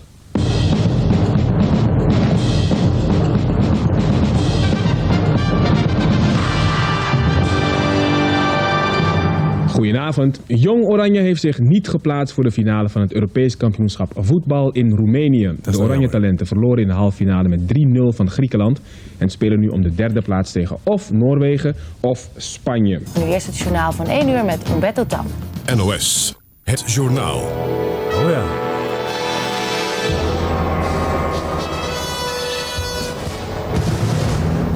Goedemiddag, dames en heren. In Seattle in Amerika geldt de noodtoestand. Afgelopen nacht en vanmorgen waren de straten het toneel van hevige plunderingen en gevechten tussen de politie en grote groepen jongeren. Dit was het voor nu. Het volgende journaal is om 4 uur. Nog een prettige middag. Het was geen kort bulletin, ik heb geknipt. ik wou zeggen, onvolledige info, maar zo, eh, maar zo ging het niet. Maar de- dit was wel al de autocue natuurlijk. Ja, ja, ja, ja, ja, ja. Dit was autocue. Ja. Dit was autocue. En dit was ook... eh, dit was een mooie tijd. Ik heb vijf jaar bij het journaal gewerkt. Ja. Eén week, of de ene week werkte ik op de redactie. De andere week deed ik eh, de ochtendpresentatie eh, drie dagen per week. En dat was gewoon om eh, vijf uur beginnen. En in die tijd had je nog niet zoveel journaals hoor. Dus je had dan eh, journaals tussen zeven en negen, Ja. elk half uur. En dan pas weer om twaalf uur. Ja. Dus eh, tussen 9 en 12 was je gewoon aan het chillen. Was je gewoon, ja, ik kan wel heel ingewikkeld lopen doen, maar dat was echt niet zo. De eerste, eerste uur ging je misschien naar buiten of je ging een beetje rondlopen. Een beetje... En ik heb eh, later, mijn laatste jaar bij het journaal, heb ik in die tussenuren heb ik, eh, een boek geschreven. Dat heb ik toen eh, op de redactie Ja. gedaan. Oh, ik dacht, ja, ik, want ik heb gewoon, nou ja, als je, als je drie, uur, drie dagen per Ja. week, eh, twee uur per dag schrijft Ja, en dat gewoon maandenlang doet, ja. dat is gewoon heel veel tijd, hè? Dus toen, toen heb ik dat, het Surinaamse legioen heb ik geschreven. Want het was ook wel heel goed om daar research te doen. Ja, ik had ehm, internet, ik had alles. En niet zo zoals ik het thuis had, Ja, maar gewoon met Ja. telefoonlijn, maar gewoon snel internet. Ja. Dus ja, en toen het boek af was, heb ik uiteindelijk ehm, in 2000 ben ik gestopt bij het journaal. Je hebt Studio Sport en het journaal eh, heel lang gecombineerd. Ja. Ehm, zijn daar nou nog veel verschillen? Of ja, goed, los natuurlijk van die onderwerpen, maar... Nou, wat me toen opviel, en ik weet niet of dat nu ook zo is. Ik vond eh, de collega's bij, het, eh, bij eh, Studio Sport... vond ik meer open-minded dan de collega's bij het journaal. Oké. Ehm, ik weet één voorbeeld. Eh, op een gegeven moment stond er in de tekst... eh, toen zei een collega iets van Michael Reiziger. Toen in die periode. Ik zei, nou, hij is Michael. Ja, nou ja, Michael, Michael. Maakt. Ik zeg, nou, maakt het nou uit? Ik weet het niet, maar we hebben gewoon net gewoon 3 miljoen mensen naar een finale zitten kijken. Hè? Die dat gewoon weten. Ja. En dat je niet van voetbal houdt. Ja, sorry, maar dat, dat, dat, dat, waar, hoezo zou je dat niet goed willen zeggen? Hij heet gewoon Michael. Ja. Is niet een moeilijke naam. Het is een international. Het is een basisspeler bij een ploeg die net de wereldbeker heeft gewonnen. Waarom zou je daar niet je best voor doen? Laat staan bij onderwerpen die wat verder van ons bed liggen. Ik weet ook dat toen eh, ging eh Two Unlimited uit elkaar. En toen vond de toenmalige eindredacteur vond dat geen bericht. Ik zeg, sorry? Wat? Dit is de best verkopende Nederlandse act ooit. Ja, was misschien al wat ouder toen. Of, Ja, die, eh, ooit. Ja, ooit. Ja. D- Dat is toch een, dat is, dat is minstens een bericht. Ik, ik zeg niet dat het een special is. Nee. nee, we moeten het wel benoemen, ja. Ja, want er ging, een of andere dichter ging dood. Dat was dan wel een bericht. Ik heb nog nooit van die man gehoord. Jij ook niet. Wat heeft hij gedaan dan? Wat, wat, is, wat is een belangrijkste werk wat hij heeft gedaan? Hoeveel mensen zijn daardoor geraakt? Ja. Ja, ik vond dat echt... Dat heb ik verloren hoor. Die kwam, dat bericht kwam er niet in. Echt serieus. Ja, ik vond dat... Dat was echt... Maar goed, als je dat soort gevoelens hebt... Dan, dat was ook een, een van de redenen waar ik dacht van... Ja, weet je... Ik, ik, ik, voel me, ik vind het leuker, leuker bij, eh, bij sport. Als jij nu aan die NOS denkt, 12 jaar lang, dat is een lange periode. Wat springt er echt uit? Dat je denkt van, nou, dat is misschien nog wel even leuk om te benoemen. Collega's, Collega's. meteen. Ja. We hadden echt super veel fun. Moet je je voorstellen dat je s s'avonds met, met je, met name bij Studio Sport, je collega's, heb je nou, sportjournaals gedaan of wat voor uitzending dan ook. En is het half twaalf s'avonds, je bent klaar. Ja. En toen gingen we nog eventjes met elkaar lekker voetgolven. We hebben echt maandenlang in het NOS-gebouw Oh, ja. hebben wij voetgolf gedaan. En dat betekende, had van hadden een voetbal en wat met vier, vijf jongens. En, dan en en het NOS-gebouw is een heel groot, laten we zeggen, vierkant gebouw. Die- allemaal verbonden door deuren aan elkaar. Dus wij hadden een, een spel bedacht waarbij je de bal eh, zo ver mogelijk moest proberen te schieten. En daar waar de muur raakte, daar moest je weer verder. Dus je moest proberen rond te gaan in zo weinig mogelijk keren schieten. Mooi. Dus je moest dan recht schieten dat je de muur niet raakte. Nou, dat waren echt competities. Dat is wel een, een mooi contrast tussen dat serieuze eh, nieuws lezen Ja. eigenlijk, of die, die redactie natuurlijk, Ja. en toch dat vrije gevoel met de collega's. Enorm. Toen eh, darts opkwam, hadden we echt eh dart-competities. Ja, ja, ja. Met bloed aan de paal, werkelijk. nee, nee, Oh, ja. 5-0, 1-3. Ja, ik vond het geweldig. Ik vond het, dat, dat vond ik met de collega's. Ik vond het echt, ehm, ja, geweldig. En je deelt één liefde, hè, sport. Ja. Ja. Ik, bedoel, ik geloof dat ziekteverzuim... Ik heb nog een tijdje bij de NOS in de ondernemingsraad gezeten. En het ziekteverzuim bij eh, Studio Sport was veruit het laatst van de publieke omroep. Veruit. Ik weet het percentage niet meer. Ik weet of het nu nog zo is. Maar volgens mij was het gemiddeld de ziektepercentage bij de publieke omroep was iets van 4% of zo. Of 4,5%. En bij Studio Sport was het geloof ik 1%. Ja. ja, misschien toch meer uit passie of zo, dat mensen daar... Mensen kwamen ja. werken ook als ze ziek waren. Ja, ja het is... Want die wilden het gewoon, die, ja, die wilden Ja. het gewoon niet missen. Nee. Ja, en nacht en s'nachts en s ochtends. En s- ja, echt. Maar zag jij het als werk? Zie jij het als werk? Nee, ik zag het niet als werk. Als ik, als ik eh, zondag naar ehm, AZ eh, Heracles moest. eh, want ik deed veel toen wat het dan eh, grandstand heette. Dus op locatie bij een voetbalwedstrijd van... mijn co- competitiewedstrijd. Nee, ik, ik, ik vond het echt geweldig. Onderweg in de auto luister ik naar OVT op Radio 1. En dan als ik daar was, dan ging ik naar binnen. Ik vond bij, bij de Graafschap bijvoorbeeld... en dan kreeg je een lekkere gehaktbal. En er was helemaal Ja. niemand nog in het stadion. Ja. De mensen vooraf spreken. Hoe gaat het? Eh, mooi weer. Oh, lekker gras. Eh, ja, weet je, eigenlijk dat hele... Die, die hele voorbereiding en het gevoel van de voorbereiding. Het geroezemoes van het publiek dat twee uur later komt. Dat waren echt minimaal twee uur van tevoren waren we daar, of drie uur zelfs. Eh, maar daarna komen de mensen langzaam binnen, de andere collega's. Ja, ik vond dat geen werk. Ik vond het, ik vond het gewoon liefdebedrijf. Ja, ja. Ja en eh, ook weer een stukje voorbereiding hoor je ook. Als je twee uur van tevoren er bent. Dan, Ja, ja, we waren er, maar ja, kijk, de wedstrijd begon tot om half drie. En wij Ja. hadden om eh 12 uur of kwart over twaalf de eerste schakeling. Dus dat betekent dat wij er om ehm, nou, half elf ongeveer, soms om tien uur al, eh, al waren. ja. Als het balletje gehakt er nog heen moest, dan Ja. Snap je? Ja, ja. Ja. En, en, als je, en als je geen haar hebt, ik die muts. Ik had heel vaak een muts op. Mensen het is helemaal niet zo koud. Ik zeg, nou, moet jij zes uur buiten staan. Ja, ja, als het ja, niet ja. koud is. Ja, want dat was er gewoon... Dus ik had gewoon mijn... eh, dus ik vond echt... Ik vond die hele periode... Olympische Spelen voor het eerst, Athene. Geweldig. 2004 voor, voor de NOS dan. En ehm, daarvoor niet. Ik bedoel, Ja, in 2000 eh, had ik gehoopt dat ik meer bij het EK kon doen. Nou, dat was niet zo. Dus dat was een teleurstelling. Maar 2004 Athene vond ik echt eh, top. Je vindt de broadcast ook op de socials. Check ons op Twitter, Facebook en Instagram. Volg ons en mis geen broadcast meer. Toen ehm, begon John de Mol in 2005 Talpa. Ja. Eh, een hele bus met grote sterren. Nam niet mee, waaronder jij. Ehm, je ging onder andere daar, ehm, even kijken hoor, de wedstrijden doen. Was verslaggever van de uitduels van het Nederlands elftal. Ja. Je sportdeskundige ook nog in het boulevardachtige NSE. hè, Nieuw Sport en Entertainment heb je ook nog gedaan. Ja. En je presenteerde samen met eh, Jack Spijkerman, later trouwens alleen met wat analisten, het programma Café de Sport. Jack, volgende week zien we weer. En volgende week dan zitten hier eh, Henk en Marianne Timmer zitten hier. Maar dat is Wie zit hier volgende week? De Timmertjes. Henk en Marianne Timmer. Weer seks op de tribune. Tot volgende week. Oké, dag, tot volgende week. Doei.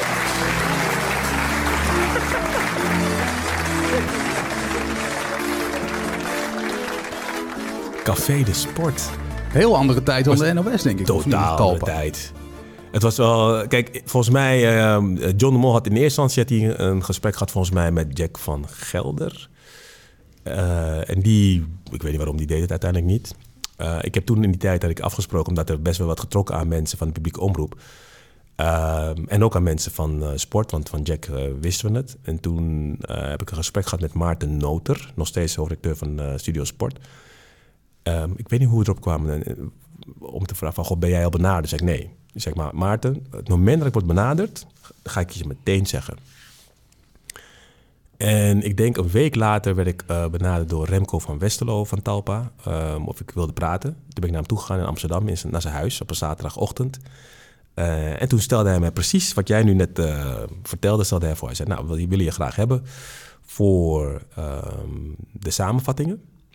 Ik dacht, zo, oké. Want 7 uur Studio Sport, daar, kwam ik niet in de buurt. Hè, want dat deed eh, Mart Smeets altijd. Ik wil je graag hebben voor het Nederlands elftal. Want die hadden ze ook binnengehaald, de rechten daarvan. Ik zeg, wow. Ja, op locatie. De wedstrijden, eh, uitwedstrijden. Moet je je voorstellen, man. Ja. Albanië ben ik geweest daardoor. En nou, ja, noem maar op. Geweldig. Ja. En eh, we willen je hebben voor een nieuw nog te maken programma. Ehm, dat wordt NSC, Nieuw Sport en Entertainment. En we willen nadenken over een eh, soort talkshow-achtig programma op zondagavond samen met Jack Spijkerman. Die overkomt en die was razend populair in die periode. Dacht, jezus, wat een pakket. Nou, Mooie portefeuille, ja. Dat is- Ja. Nou, dus ik ben toen ehm, meteen naar Maarten Noter gegaan. En heb tegen hem gezegd, nou Maarten, eh, ik ben benaderd. En ik eh, ga er serieus over nadenken. Toen zei hij, oké, waardeer ik heel erg dat je het zegt. Ik zeg, ja, want weet je, ja, ik vind wel, je moet daar eh, open in zijn. Ehm, nou, ik denk dat ik hem na een paar dagen of zo heb ik tegen Maarten gezegd, nou, ik ga het doen. Alleen dat was echt een domme beslissing dat ik het zo heb gedaan. Want ik had nog helemaal niks onderhandeld met Talpa. Maar ik dacht, ja, ik wil dat gewoon doen. Ik ik ga geen spelletjes spelen en eh, salarissen opdrijven of dat soort dingen. En in die periode, eh, toen eh, werd er onderhandeld. En eigenlijk zei Talpa toen van, ja, dit is het aanbod, take it or leave it. Zei ik, sorry? take it or leave it? I leave it. Dat was op een vrijdagmiddag, was dat. Toen zei ik, nou nee, sorry, maar nee. Ik, eh, nee, I leave it. En het was, het was echt meer dan ik eh, verdiende bij de NOS, veel Ja. meer. En, maar ik, ik vond gewoon, ehm, als je met elkaar praat en het eerste wat je zegt is dit is het en take it or leave it, dacht ik van, nou nee. Dat is gewoon een gevoel dat je denkt, dat, gaan we niet doen. Nee, Zo doen we het niet. Nee, dat gaan we echt niet doen. Ik zeg, nee hoor, ik doe het niet. Dat was op eh, vrijdag. Dus ik ging naar huis. Toen zei ik, nou, ik had dus opgezegd bij Studio Sport. Ja, ja. en je had afgezegd. En ik je had- ging en ik had nee gezegd tegen de opa. Ja. Hoe ga je dan naar huis? Nou, nee, toen zeiden we van, nou weet je, dan anders verkopen we het huis. ja. Als, ja. het, als het zover Ja. komt. Ik, Ja. is ook zo. Dus die zaterdag en die zondag, eh, ja. Nou, ik eh, zat als eh coach werkloos eigenlijk thuis. Niet helemaal, want ik, ik was gewoon nog aan het werk. Alleen, ehm, ik had opgezegd. En op maandag werd ik opnieuw gebeld door Talpa. En toen werd er onderhandeld. Ja, ja. Maar wat wil jij dan? Ik zeg, nou, kijk, nu praten we. Ja, ja. Had je iets eerder moeten doen. Maar Ja, nee, nee, maar nu uiteindelijk... praten we. Nou, Ja. maar, maar dat, het, het bedrag werd ook echt hoger. Ja. Het beter en de voorwaarden werden beter. Dus het, het, het was, eh, ik heb eh, bewust. En ik, en, en ik vond, moet zeggen, John de Mol, ehm, er wordt heel veel over hem gezegd. Maar eh, wat je met hem afspreekt, komt hij na. Hij, hij is, ja, ik, ik kan niet anders zeggen dan... En hij gaat ook heel ver als hij het gevoel heeft van... ik wil met jou een deal sluiten. Ehm, wat kan ik voor jou doen? Dus het is niet eenzijdig. Weet je, hij is altijd bereid om, na, om, om zich te verplaatsen in wat jij wil of doet. Dus ja, ook in die periode met, bij Talpa was dat zo. Hij vond het toen vreselijk toen, eh, toen, het, eh, toen het afliep. Ik, ik was in het buitenland en toen ben ik gebeld door eh, Remco van Westerlo. Ik weet niet meer, ik, ik, was, ik was in Zwitserland volgens mij. Ja, ik was naar een horlogebeurs geweest in Zwitserland. Daar kom ik vandaan. Voor IWC. En dat was een, ehm, een Salon International de Haute Horlogerie. Zo. De S-I-H-H. Ja, ja. Je hebt de haute couture Ja. en de haute horlogerie. Ja, klinkt goed. Zijn de, zeg maar, de horloges in het duurdere segment. Ja. En ik eh, had echt een top weekend gehad. En toen werd ik gebeld door Remco Vesselo van Humberto. eh, de stekker gaat eruit bij Talpa. Maar goed nieuws voor jou. Ehm, het pakket wat we hebben gaat over naar RTL. En ze willen jou graag erbij hebben. Toen zei ik, oh, nou oké, top. Nou, dan, eh, dan hoor ik het wel. Lijkt me wel een opluchting, toch? Als je dat hoort. Ik had niet eens tijd om, om teleurgesteld te zijn. Het was gewoon in één zin. Ja. Dus het was één zin, nou, we gaan stoppen, maar voor jou is er goed nieuws. Oh, wat dan? Dus je- ik was al meteen... Ja, het was meteen een soort van gerustgesteld. Van, ja, nou goed, het eh, is, totaal nul. En toen zei hij, nou, en toen heeft RTL eh Erland Gouwjaard toen. Ja, En ja. Ik heb met Erland een gesprek gehad. En, die, en Erland zei toen, eh, wij willen jou heel graag hebben eh, voor eh, de wedstrijden ook. Voor, het, voor het voetbal op, bij RTL, toen op zondag. Toen zei ik, ja, maar, maar dat, dat doet Wilfred Gené toch al? Dat, dat, dat, je hebt toch al iemand die dat doet? Hij zei, nou, nee, maar we willen jou graag hebben, want jij past goed bij een familiegevoel. Nou, ik zeg, nou, daar wil ik even over nadenken, want... nou, uiteindelijk heb, zei, toen zei hij, wil je over nadenken? ik denk dat heel veel mensen meteen jaren gezegd. Ja, ja, ja. Zeg, ja, nou, maar sorry, maar ik wil daar echt wel even over nadenken. Ja. Omdat, omdat ja. wil ik dat? Ehm, eh, heeft dat consequenties, et cetera? Uite- uiteindelijk heb ik het gedaan. We hebben het een jaar hebben we het volgens mij gedaan. Zondags. Dus ja, zo ben ik bij RTL begonnen. Ja, daar gaan we het zo meteen nog inderdaad even, even over hebben. Over jouw periode natuurlijk bij, eh, bij RTL. Ehm, eh, maar misschien het ook nog wel even goed om, of ja, leuk of goed om te weten. Er gingen natuurlijk heel veel eh, grote sterren gingen naar Talpa toen. Hè? Dus inderdaad Linda de Mol, Barend van Dorp. Nou ja, goed, noem het allemaal op. Jack Spijkerman. Toch stopte het inderdaad dan na, na twee jaar. Heb jij, ooit ergens de vinger op kunnen leggen waar dat dan aan ligt? Hoe dat kan? Ik denk dat de analyse van John de Mol wel klopt. Ehm, eh, voor een deel was het ook gunnen eh, van, ehm, vanuit collega's, media. Er werd ook best wel negatief over gesproken natuurlijk. Voor een ander deel, het Nederlands publiek vindt het niet zo leuk als je eh, een, een soort van imago hebt. Ja, je koopt alles, je koopt succes. Nou, ik ben niet te koop, dat gevoel. Ehm, eh, nou, Jack, van, Jack Spijkerman kreeg toen heel veel negatieve backlash. Eh, omdat hij zich eh, bij de A, bij de Bavara was hij juist heel erg, nou, juist meer links van het spectrum. Ineens ging hij naar Ja. de rechterkant van het Ja. spectrum. Dat, dat pikte mensen niet. Bij mij bijvoorbeeld is dat nooit een eh, issue geweest. Ik weet dat ik in mijn afscheidsbrief mail naar de collega van Studio Sport ben ik heel open geweest. Ik heb gezegd, jongens, ik, ik ga Studio Sport na 12 jaar verlaten. En ik doe dat om twee redenen. Reden één is, ik zie een kans voor een persoonlijke groei. Want ik kan het Nederlands elftal gaan doen wat ik hier niet kan doen. Ik mag ehm, eh, de zondagavond gaan presenteren wat ik hier niet mag doen. Eh, ik krijg een eigen programma wat ik hier niet krijg. Eh, dus ik, ik, die persoonlijke groei die zit daar voor mij heel duidelijk.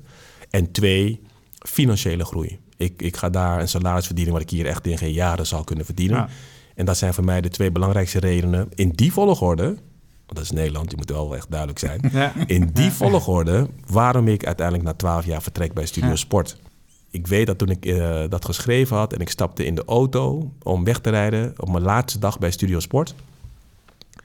Ehm, toen deed ik, de, ik de, de auto aan, of de, ik startte de auto en stond de radio stond aan. En toen kwam eh Keen. Echt, eh, ik vond het echt, nou, het universum helpt je soms een beetje om je emoties eh, los te wrikken of zo. Keen kwam met This is the last time. Ik dacht, nou, Mooi moment. fucking hell. Ja, had zo moeten Ja, zijn. ja. nou, Ik, ik reed weg met Ja. tranen Ja. in de ogen. Ja. Want ik dacht, twaalf jaar, wat doe je? Je hebt hier de tijd van je leven. En je gaat een avontuur tegemoet waarvan je echt niet weet wat voor avontuur het wordt. Nee. Nee. Je hebt, bedoel, tuurlijk, die dingen die ik net zei, is allemaal rationeel. Weet je, persoonlijke groei, je financiële groei. Maar je hebt hier emotionele band. Een emotionele band met de omroep, een emotionele band met mensen. Ja. Want de NOS was fantastisch voor mij.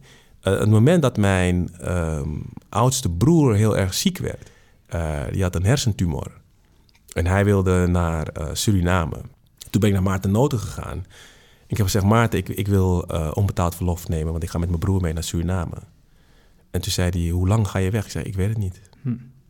Misschien een maand, misschien een week, misschien een half jaar, misschien een jaar. Ik heb geen idee. Ik ga naar mijn broer. Ik wil met mijn broer mee. Ik weet niet hoe lang hij nog heeft. Uh, en hij wil daar naartoe, ik wil met hem mee. Toen zei hij, Humberto, jij kan gaan zo lang als je wil. Mooi. Ja. En dat heb ik Maarten Noter echt... Dat, ik vergeet dat soort dingen niet. Nee. nee. En dat was ongeveer... Oeh, ik moet goed nadenken nu. Een jaar misschien daarvoor of anderhalf jaar. Ik, ik weet niet meer precies. Dus ik vond het best moeilijk. Ik vond het best een lastige beslissing. Omdat... Ja, de, de NOS was, is, was altijd goed voor mij geweest. Ja. Altijd. Altijd. En daarom wilde ik ook zo open vizier spelen. Weet je, daarom heb ik ook tegen hem gezegd: dit speelt. Altijd op hoogte gehouden. En ik wil dat ook niet opdrijven. En, en, ja, en als je dan in die auto zit en je hoort dan This is the last time van Keen. Ja. Ik heb nog steeds bij die plaat. Ik kan er, ik kan er echt niet ehm, ehm, zonder emoties naar Nee. luisteren. Nog steeds niet. Ik ben al, ik ben al nu sinds 2005 weg, zes. Ja. Weg. Al Ja. 14 jaar. Nog steeds voel ik het. Ook wel weer mooi dat muziek dat doet. En het zegt ook iets over die tijd en over Ja. de collega's natuurlijk. Ja, ja, Spreek je ja. nog collega's? Ja, ja, ja, ja, ja. En de collega's zijn nog steeds... ehm, nou, zoals afgelopen zondag was dan de eerste nieuwe eh, talkshow. Dat ik meteen eh, eh, collega's appen. Oh ja. Echt. ehm, ik had, van de week had ik nog... ehm, nee, vorig, twee weken geleden hadden we een, een boekverkiezing bij eh, Radio 1. De non-fictie boekverkiezing van het jaar ik eh, een idee daarvoor op Radio 1. En de winnaar is Anton de Kom geworden, eh, Wij Slaven van Suriname. En toen dacht ik ineens, ik heb dat boek. Ik heb de nieuwe versie, want dat, de nieuwe versie heeft gewonnen. Maar ik heb ook een oude versie, uit de jaren 50 of zo. Dus ik ging naar mijn boekenkast om het erbij te pakken. En toen bleek dat het een eerste druk is, uit 1934. En dat boek heb ik gekregen van de vader van Dione de Graaf. De vader van Dione de Graaf is overleden. En die had een tas met allemaal Surinaamse boeken, tijdschriften, et cetera. Dione kwam bij me langs en zei... mijn vader heeft dit voor jou achtergelaten. Toen zei ik, oh, er zaten allemaal stukken in. Dus ik heb Dione eh, laten weten... Dione, je dit boek terug? Want het is een eerste druk, zie ik nu pas. Ik had het wel gezien, maar ik had het Ja. nooit zo goed... Het is een... Toen zei ze, nee, nee, nee, nee. nee. Jouw va- mijn vader wilde dit voor jou. Wauw, wat tof. Maar dat, zei, dat soort verhoudingen had ik ja. met mijn collega's toen. Ja. Dus ja, en dan heb ik nog steeds... Ik dat 50 jaar Studio Sport was, was ik uitgenodigd. Ja. Dat, dit, dit klinkt ook echt als echte vriendschappen wat dat betreft. ja, ja, ja, ja, Het, het is... Het, het, zijn, het, zijn, ehm, het is altijd warmte. Ja. Altijd. Ja, Weet je, als, als Tom Egbers een, een hartaanval, een hartinfarct krijgt... Ja, daar schrik ik daarvan. Ja. Ja, dan, dan, dan ben ik wel tuurlijk. geraakt. Dus dan Ja. vraag ik wel hoe het met hem gaat. Ja. Nooit geen spijt gehad als je bent weggegaan? Nee, dat niet. Omdat ik denk wel dat ik nu dingen heb gedaan die ik eh, nooit gedaan zou hebben als ik was gebleven. Dus voor die persoonlijke groei. Ja. Ja. En trouwens ook voor de financiële groei. Ja. Nou, goed, wel is het wel Ja. beter geweest. Goed dat je het ook beide hebben op aangegeven. En dat je zegt van in die volgorde. Ja, ja, ja. ik had nooit gedaan ehm, eh, wat ik nu doe als ik was gebleven. En ik had ook nooit verdiend eh, Nee. als ik was gebleven. Dus nee, het was, het was gewoon een hele mooie periode. Weet je, soms zijn mooie periodes, zijn, eh sluit je gewoon af. En dan komen de nieuwe periodes. Daar gaan we het zo verder over hebben. Nieuwe periodes. Uiteraard overstappen RTL. Ehm zullen we eerst even naar ons eh, terugkerende item gaan? Dat is het volgende. Vijf stellingen en slechts de keuze uit twee antwoorden. Dit is het dilemma. Ik denk dat die helder is. Ja? Toch of niet? Ja, kom maar door. Alright. Fotograferen... Tim Klein, toch is dit? Ja, dat is Ja, Tim. Ja, ja. dat was Ja. onze vorige gast. Komen we zo nog even op terug Oké. trouwens. Eh, fotograferen of presenteren? Presenteren. Eh, radio of tv? TV. Studio voetbal of rondo? Hmm, Rondo. Sport of nieuws? Ehm, nieuws. Entertainment of actualiteit? Ehm, actualiteit. Nou, de eerste fotograferen of presenteren hoef je niet erg lang over na te denken. Nee, omdat presenteren, ja, daar verdien ik mijn geld mee het meest. Kijk, als ik eh, kijk naar de verhoudingen. ehm, kijk, ik denk dat ik, eh, als ik presenteer, kan ik ook fotograferen. En leven. Als ik fotografeer, fotografen hebben het echt heel zwaar. Er zijn er maar heel weinig die op een goede manier kunnen rondkomen van hun passie. Terwijl als ik presenteer, heb ik die passie fotograferen nog steeds. Ja. Ik, niet, niemand houdt me tegen als ik op zaterdagochtend vroeg om vijf uur naast mijn bed wil staan. Om heerlijk eh, de ochtend naar Ja. de Oostvaardersplas te gaan. Om, Ja. om vogeltjes te kijken en te fotograferen. Dus, dus daarom, als ik presenteer, kan ik fotograferen en omgekeerd niet. En als je kijkt wat je echt het leukst vindt om te doen? Ehm, het is een aanvulling op elkaar. Presenteren doe ik met een heel team en doe je samen. Fotograferen doe ik dat soms ook met een team. Eh, maar meestal alleen. Ehm, ja, en dat brengt een bepaalde rust. En dat zoek ik heel vaak in het fotograferen. Dat vind ik heerlijk. Ja, je gaf eh, aan, eh, op Radio TV, daar gaf je aan tv. Ja, omdat ehm, ik, ben, ik vind beeld vind ik heel erg mooi. Kijk, radio vind ik echt, echt fantastisch om te Ja. doen. Ik doe het nu één keer per week op Radio 1. Elke vrijdag tussen 2 en 4. Maar ehm, als ik moet kiezen, dan brengt televisie mij meer. Omdat ik meer eh, op beeld georiënteerd ben. Ik vind Ja. het... ehm, ja, weet je, het is ook ingewikkelder hoor, televisie. Veel ingewikkelder. Het is heel moeilijker om, om gasten te produceren. Het is veel moeilijker om mensen op hun gemak te stellen. Ehm, maar televisie, ja, als kind al greep televisie me heel veel. Ik heb heel veel gekeken. En radio heb ik eigenlijk pas later een beetje ontdekt. Eh, ik ben echt een televisiemens. Ja, ja. Terwijl je toch een demo had Ja, het is- gemaakt. aan het begin van je carrière. Ja, gek genoeg wel. Ja, muziek en radio, dat is voor mij een combinatie. Ja. Nou, je, WAPS ehm, re- luister ik in Amsterdam-regio en Piraten zenden heel erg van. Radio Decibel eh, met Jeroen van Inkel en Adam Curry toen al. En, Ja. ja, dus ik, ik heb veel radio geluisterd, maar eigenlijk veel piratenradio. Ja. ehm, Ja, ja, ja, ja, toen de tijd. Ja. Ja. Nou, we gaan het zo meteen ook nog over je radioloopbaan hebben. Oh ja, Eh, ja, je gaf eh, aan eh, bij Studio Voetbal voor Rondo, eh, coach voor Rondo. Ik Ja. weet niet of je daar nog iets over wil zeggen. Of- Ja, Rondo ehm, met eh Gullit, Rij- met Gullit, Van Basten, Jack, eh, Jan van Halst en Juri Mulder. Al die mannen ken ik persoonlijk goed.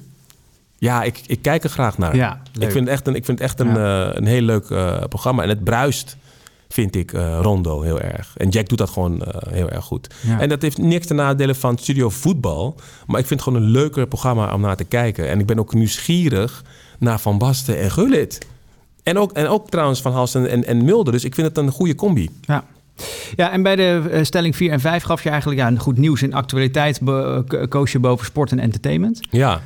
Ehm, eh, nieuws of sport. Eh, nieuws is ook sport. Ja, ja is ook weer zo. Ja. Dus dat Alles is, bevat het. Dat is, eh, Ja. En entertainment of actualiteit. Als ik moet kiezen, dan zou ik actualiteit doen. Ik, kijk, ik denk dat het een. Kijk, bij mij is het. Kijk, ik geloof in drie grote ehm, eh, eh, thema's de komende jaren. op- voor televisie met name, voor lineaire televisie. Ja. En het gaat het om nieuws. Het gaat om ehm, groot entertainment. En het gaat om sport. Ja. En ik kan alle drie doen bij Ja. RTL. Ja. Het nieuws zit in eh, de talkshow. Ehm, entertainment, Hollands Got Talent. Ehm, en eh, sport, nou, vanaf augustus eh, Champions League. Ja. Dus ik, ik ja, De perfecte match, toch? Ja. het is een voorlopig, eh, om te doen wel ja. Ja. Weet je, of kijkers het willen zien, dat is het tweede. Maar om te doen is het voor mij de, de echte made- eh, combinatie made in heaven. En tot zover deel 1 van ons gesprek met Humberto Tan. In de volgende aflevering hoor je deel 2, waarin Humberto uitgebreid stilstaat bij RTL Late Night. Je luisterde naar de broadcast. De podcast over radio en televisie in Nederland. Volgen doe je ons op de socials. En vergeet je niet te abonneren via de diverse streamingsdiensten. Graag tot de volgende broadcast.